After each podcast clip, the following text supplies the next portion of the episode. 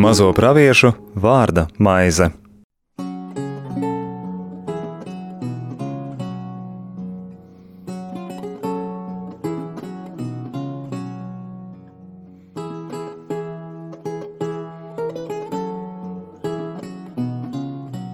Slavēts Jēzus Kristus. Mūžīgi mūžos slavēts. Studijā Stela. Un Anģela. Turpināsim šodien lasīt pravieša Amasa grāmatas trešo nodaļu, un varbūt jau tiksim drusciņi klāt ceturtajai nodaļai, kaut gan abas šīs nodaļas it kā pāriet viena otrā, jo Amos tajās runā par Izrēlu, par izradzētas tautas noziegumu un sodu. Jau iepriekšējā reizē mēs sapratām, ka tas sots nav tā, kā ja mums ir pieņemts, sakot, vecāki dažkārt pat bērnam nesaprotam iemeslu dēļ ņem platu siksnu un ieper, bet kā tās, kas notiek ar Izrēlu, ir sekas tautas, īpaši atbildīgo tautā, vadītāju, turīgo cilvēku attieksmei pret dieva likumu. Un redzējām arī to, ka dievs brīdina, kas notiks turpmāk, ja tauta neatgriezīsies. Un vēl mēs arī sapratām, Viņš brīdina, un vecās derības laikā viņš to ir darījis daudzas reizes. Dievs brīdina caur praviešiem. Un tālāk mēs redzam tādu kā aicinājumu sludiniet Asīrijas, Eģiptes zemes pilis, sapulcējiet Samarijas kalnos un vērojiet, kādas tur norisinās trokšņēnās nekārt, trokšņēnas nekārtības un kādi varas darbi notiek viņu vidū. Viņi neatzīst nekādas taisnības, saka tas kungs, un ar noziegumiem un laupījumiem iegūtās bagātības viņi savāc savās pilīs. Tā tad vispirms ir uzskaitīts tas, ko cilvēki dara.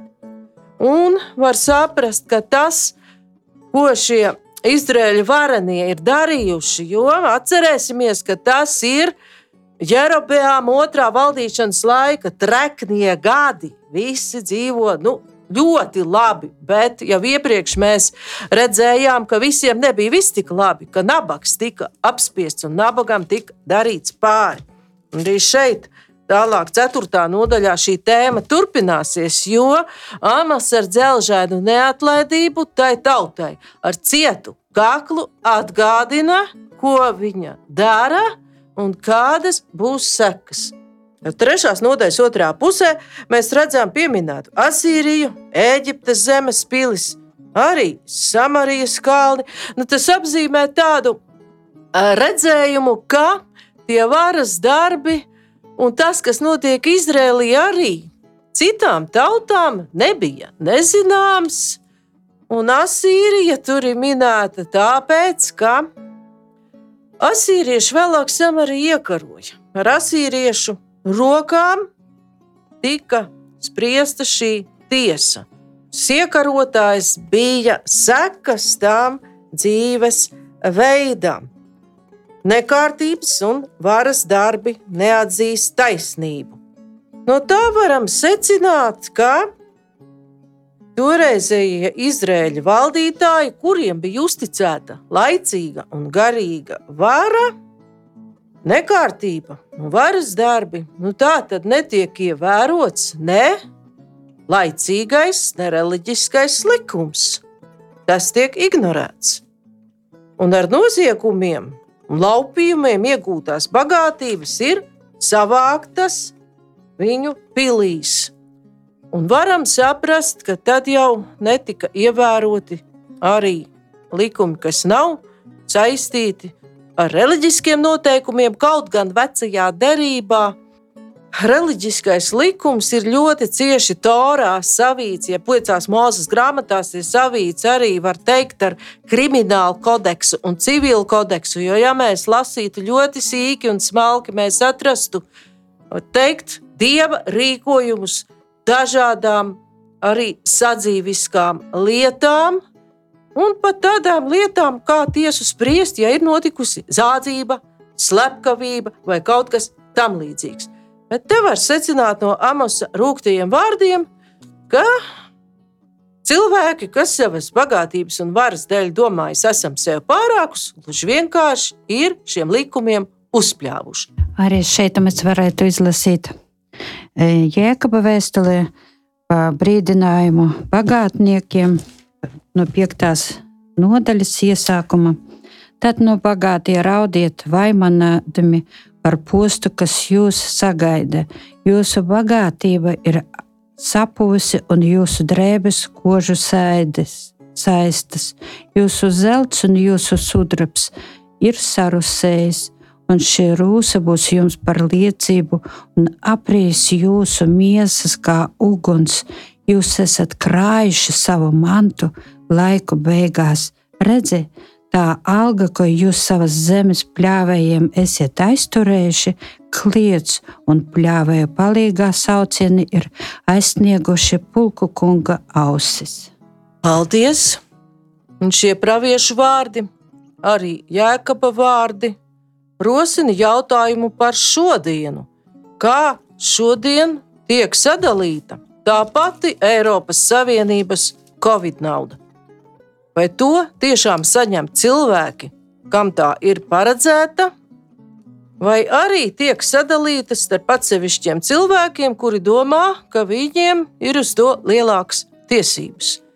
Jo arī šodien, kad mēs lasīsim tālāk, 4. nodaļu Amos grāmatā, redzam, ka pasauli pārsteigā un ļoti lielā mērogā visas tās parādības, par kurām Dievs ir brīdinājis, un arī Āmos ir brīdinājis.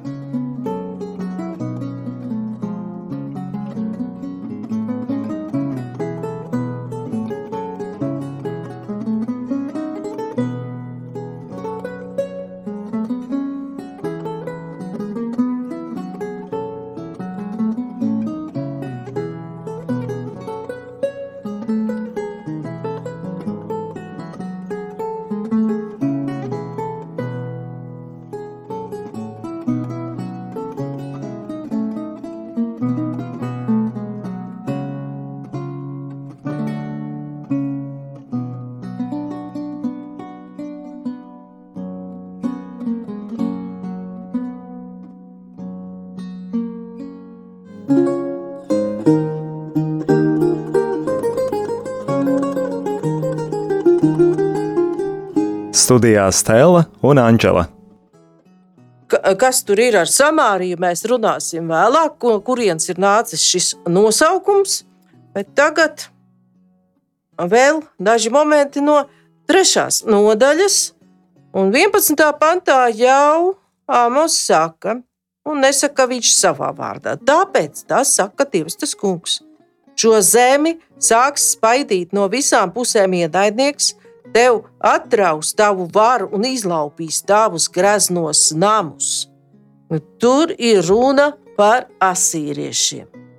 Un par tādu fizisku iebrukumu ar lielu armiju, un asīrieši kā karotāji bija arī ārkārtīgi nežēlīgi. Viņai bija lielisks militārais aparāts, viņa bija varenākā militārā lielvalsts tā laika pasaulē, bet slaveni arī ar savu nežēlību. Un tātad tādu iekarotāju rokās tiks nodota šī tauta, kura neievēro kunga likumu. Bet interesants ir 12. pants. Tā saka tas kungs. kā gans izrauj lauvam no rīkles divus stilba kaulus vai kādu kripatiņu no saplosītā dzīvnieka auss, tā tiks izrauti Izraēla bērni, kas mīt Samarijā, iespiedušies savu miera pilno gultu stūros. Un Damaskā atpūsdamies no uz grezniem zviņiem, klausieties un aplieciniet to jēkaba namam, saka tas kungs, kungs, dievs cebauts. Te parādās it kā divas ārkārtīgi pretrunīgas lietas. Var saprast, ka tie Izrēla bērni ir iekārtojušies, kuri mīt Samarijā un arī Damaskā. Viņi ir iekārtojušies labi, viņiem ir silta miga, ir viss dzīvei, patīkamai dzīvei, nepieciešamais. Un viņus no viss šitā izraus. Bet kungs saka kādu neparastu vārdu, kā gans izrauj lauvam no rīkles divus stilpa kaulus, tad tālāk. Tad iznāk tā, ka it kā šī izraušana no siltās migas un tas sots tomēr ir ar ļoti labvēlīgu nolūku, ka kungs Neskatoties uz to, ka tiem siltajā vietā dusošajiem izraēļu bērniem šī vardarbība ārkārtīgi nepatiks, ka kungs tur ir rīkojies kā labs gans, pieļaujot to, ka cilvēkiem viņa traknā un labā dzīve tiek pārtraukta. Jo labs gans meklē, ko viņš dara jaunajā derībā. Ja mēs atceramies Jāņa evaņģēliju, desmito nodaļu, kur mēs redzam Kristu kā labo ganu, gans neļauj tai avī pazust. Un sapratīsim paši, ja gan iet un redz, ka tā avs iet galīgos neceļos, gans ņems to avi. Un pat ja tā avs bļaus un spītēsies pretī, viņš viņu ņems kaut ar varu un nesīs atpakaļ. Jo varbūt tā avs ir aizgājusi kaut kur un ēd kaut ko indīgu. Gans redzēs, un viņš nesīs āvi uz mājām. Pat ja tajā avī tas ļoti nepatiks. Jā, un te šeit arī iesai grāmatā mēs vēl varam pa lauvu izlasīt kaut ko, ja? Un pa kunga, kunga vārdā. Jo kungs man teica tā, kā lauva ņurt vai lauva jaunulis pie laupījuma kaut klaigā uz viņu visu ganu pulks. No klaigām tas nebīstas, no pūļa viss netrūkstas. Tā nāks lejā pulku kungs cīnīties Cienas kalna virsotnē. Paldies!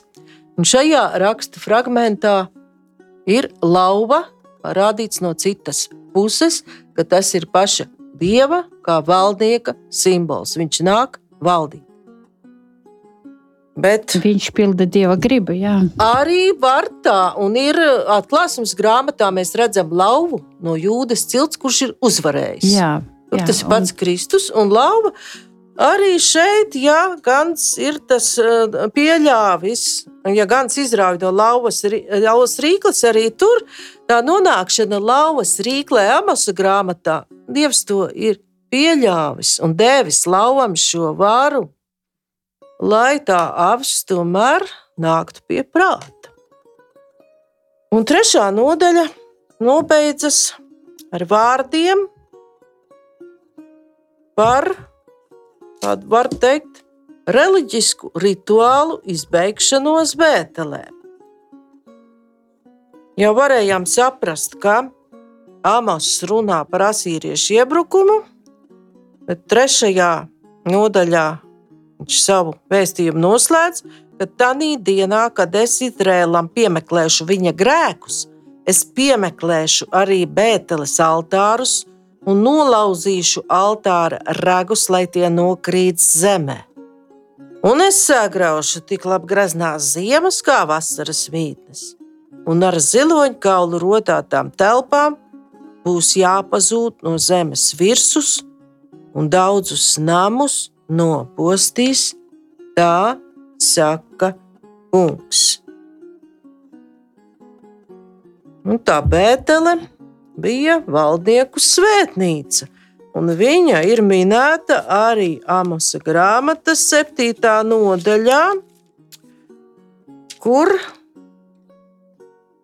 Bētelis priesteris Amacija sūta ziņu Jerobēmam Izraēla ķēniņam un sūdzās, kā Amos skūda Izraēla ļaudis uz dumpi. Un šis pats Bētelis priesteris padzen arī Amosu kad viņš lūk, nedrīkstot tur pravietot, lai viņš iet atpakaļ uz savu zemi un tur pelnot savu maizi, ja bēdot savu maizi. Tātad šis Bētelis priesteris uzskatīja, ka Amos ir viens no daudziem, kas par savu daļu runāšanu saņem labu naudu un runā to, kas galvam patīk. Un arī no iesaistas grāmatas, mēs, no pravieša iesaistas grāmatas, mēs varētu izlasīt par nāmiem, par tiem, kuri to krāja, tos krājā, vai tiem, kas krāj namu pie nama, liek lauku pie lauka, ka vairs ne vietas. Nu, vieni jūs mitat uz zemes, pulku kungs saka man, daudzie nami par postažu kļūs, lieli un labi tie, bet neviens tajos nemitīs. Paldies! Tad arī namos neviens nemitīs. Un šeit mēs varam saprast namu ne tikai kā to māju, kas ir uzcelta, lai tur kāds dzīvotu, bet dažkārt varbūt vēsturiskā literatūrā arī daudzi redzējuši un dzirdējuši tāda un tāda valdnieka nams, valdnieka dinastija vai tāds un tāds hercogu nams, grāfu nams. Tātad, ka iznīks arī šīs valdošās, un varenās un bagātās dzimtas, un var kā nams iznīkt pat vesela tauta. Tad šis brīdinājums ir ļoti svarīgs. Iznīkst visi šie nami, un, ja atceramies, iepriekš Amos runāja arī par pilīm, tad iznīkst, un Dievs pieļauj visu šo valstu, var teikt, infrastruktūras un valsts aparāta likvidēšanu. Jo viņi ir nodarbojušies ar to, ko kunga likums ir aizliedzis. Un kas tad tur arī ir ar tiem Bēteles altāriem un kāpēc ir runa par altāra ragiem, lai tie nokrīt zemē? Raks Bībelē ir pats varas un spēka simbols. Tātad dievkalpošana pie šiem altāriem nav derīga, tiks pārtraukta, tā zaudēs jebkādu spēku.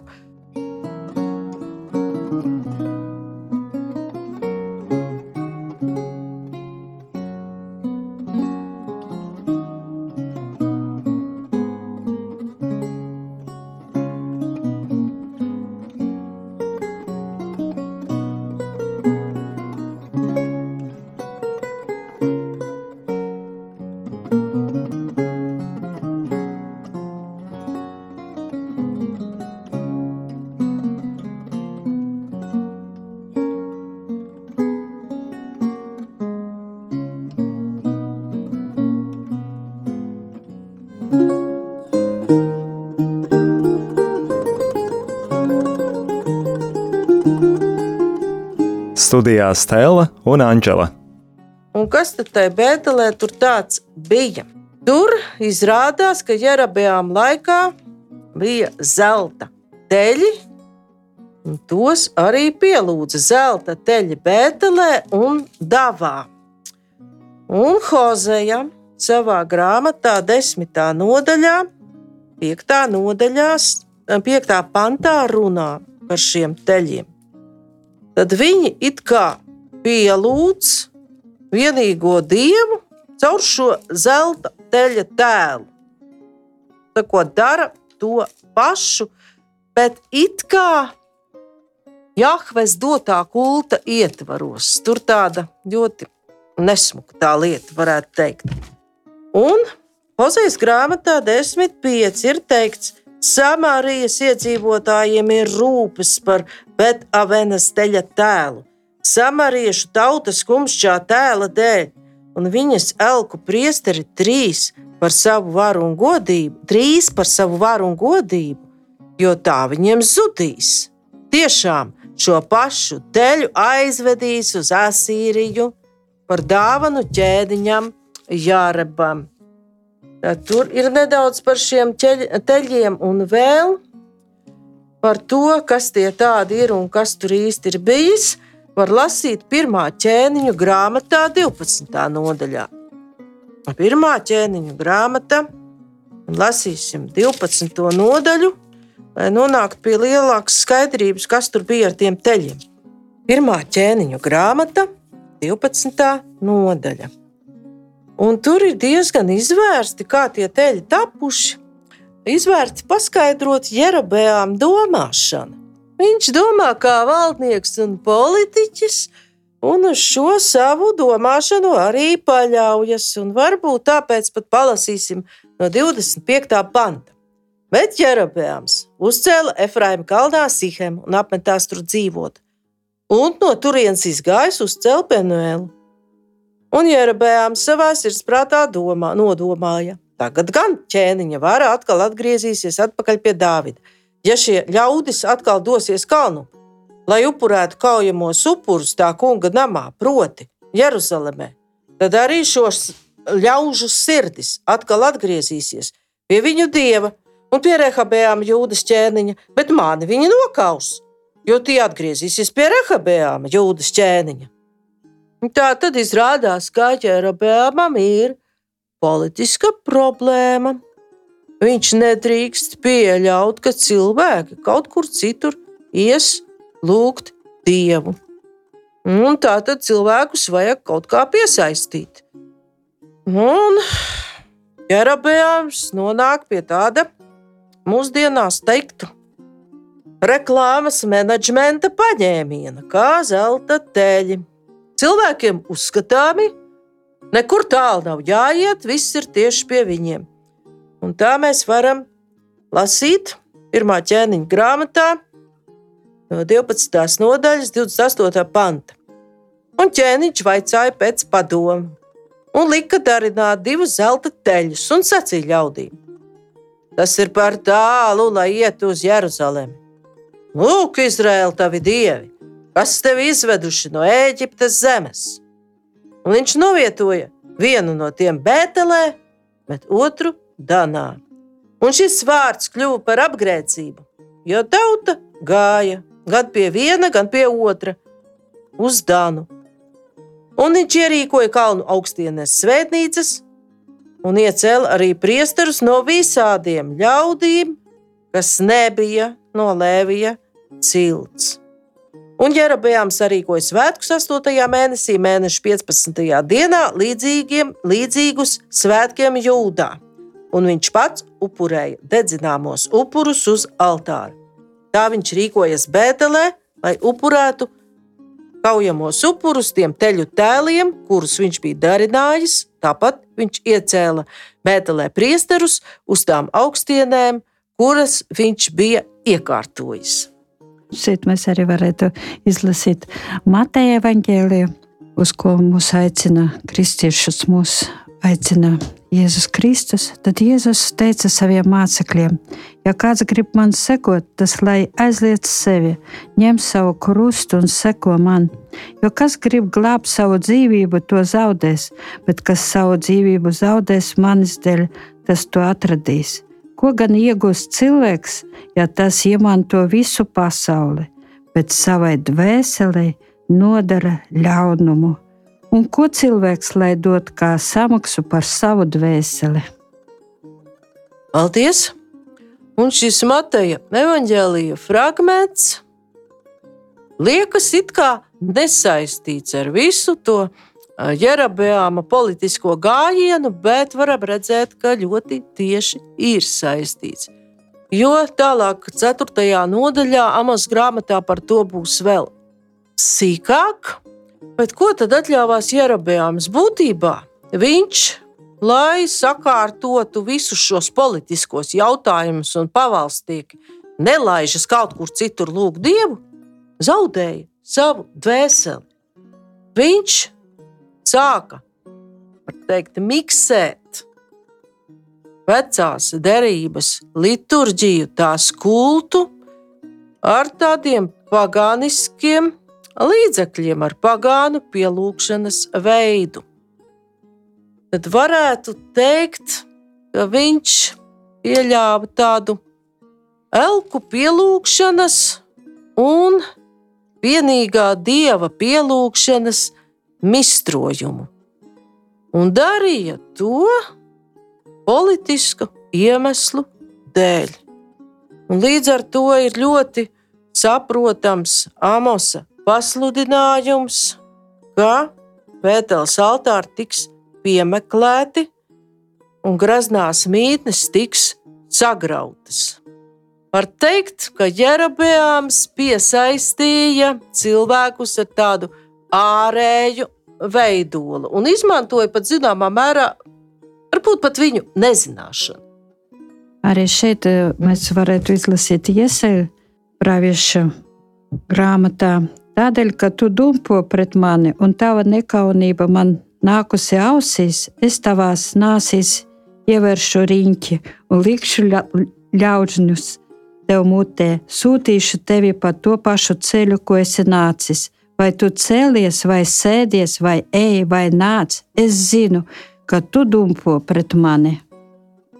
Paldies, šis raksts vēl vairāk atklāja šo dieva apredzību, ka viņš redz to, ka cilvēks rīkojas pret dievu. Un var teikt, ka arī Jerabijāms nezinu, vai nu viņš bija tik dumišs, ka nezināja, kāds ir dieva likums, kādi ir šie noteikumi par liturģisko kalpošanu, bet viņš dumpoja pret dievu un dumpoja arī tos cilvēkus, kas viņam ir uzticēti, lai risinātu savas lietas pēc savu ieskatu.